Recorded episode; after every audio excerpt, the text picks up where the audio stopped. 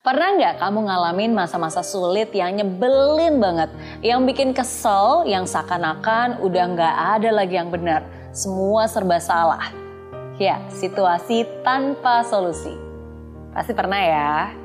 Tahu nggak? Ternyata ada loh cara paling ampuh untuk bisa mengubah situasi tersebut. Saya kasih tahu ya. Cara yang paling ampuh untuk bisa mengubah situasi tersebut adalah dengan bersyukur. Iya, bersyukur Mungkin kedengarannya aneh ya, masa sih kita mensyukuri hal-hal sulit? Masa iya kita bersyukur akan hal-hal negatif itu, hal-hal yang bikin kesel itu, masa hal kesel harus disyukurin? Well, tapi bener loh, ketika kamu mulai bisa bersyukur dan melihat sesuatu yang bisa disyukuri dari sesulit-sulitnya keadaan, itulah yang nantinya akan membantu kamu untuk bisa bangkit dan menemukan kembali cahaya dalam segelap-gelapnya keadaan. Ketika kamu berada di dalam situasi yang negatif, pikiran dan perasaan kamu itu akan dikelabui oleh hal-hal yang negatif itu. Jadi ibaratnya ada kabut yang kamu bisa lihat itu hanyalah problem dan masalah. Masalah dan problem, masalah dan masalah dan masalah. Dan ketika kamu bersyukur, rasa syukur itulah yang akan membuka mata kamu terhadap kesempatan-kesempatan yang awalnya tidak terlihat. Ketika kamu bersyukur, maka mata kamu akan terbuka. Kabut itu akan lebih menghilang dan kamu akan bisa melihat hal-hal yang baik. Well, tapi susah Miss Mary. Kalau lagi kesel tuh susah banget untuk bisa sadar, susah banget untuk bisa bersyukur. Nah, kalau kamu benar-benar serius, ya harus dipaksa. Iya, ketika kamu berusaha untuk memaksa, paksa untuk bisa berterima kasih, paksa untuk bisa bersyukur. Coba deh, apa pun keadaannya, lengkapi kalimat berikut. Untung titik titik titik. Nah, bayangin ya, bayangin kamu lagi di situasi yang sangat sulit, yang sangat menyebalkan, yang sangat merugikan, dan kamu bisa bilang untung titik titik titik dan paksa untuk bisa melengkapi kalimat tersebut. Saya yakin keadaannya pasti akan berubah.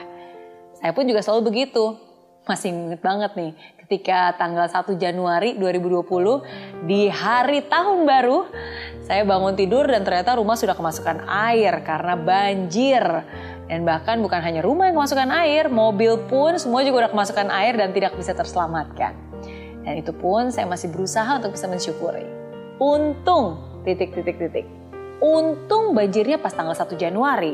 Coba kalau banjirnya sebelumnya, pasti saya masih liburan tuh. Dan di rumah jadi kosong, malah jadi lebih repot kan banjir kalau rumah kosong. Walaupun air masuk sampai dalam rumah, tapi untung masih bisa ngungsi sebelum air tambah naik.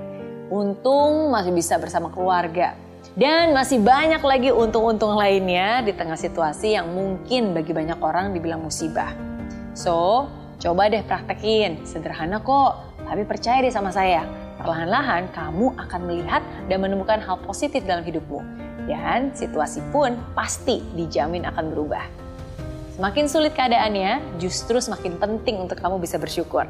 Karena, again, sekali lagi, rasa syukur itu bisa tetap membuat kamu tegar berpijak, rasa syukur itu bisa tetap membuat kamu bisa berdiri dengan tegap dan melangkah. Ingat, tidak semua hari baik, tapi selalu ada yang baik setiap harinya. Life is good with Mary Riana.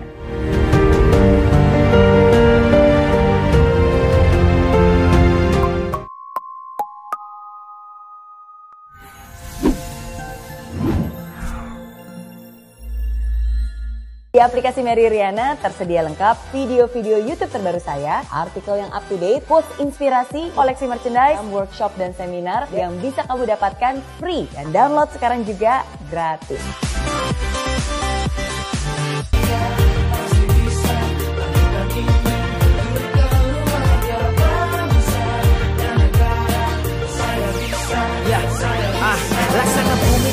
Hujan Hidup tanpa tujuan Kering dan mati tanpa hijaunya tumbuhan ah. Demikian kalau mimpi tak kunjung terjadi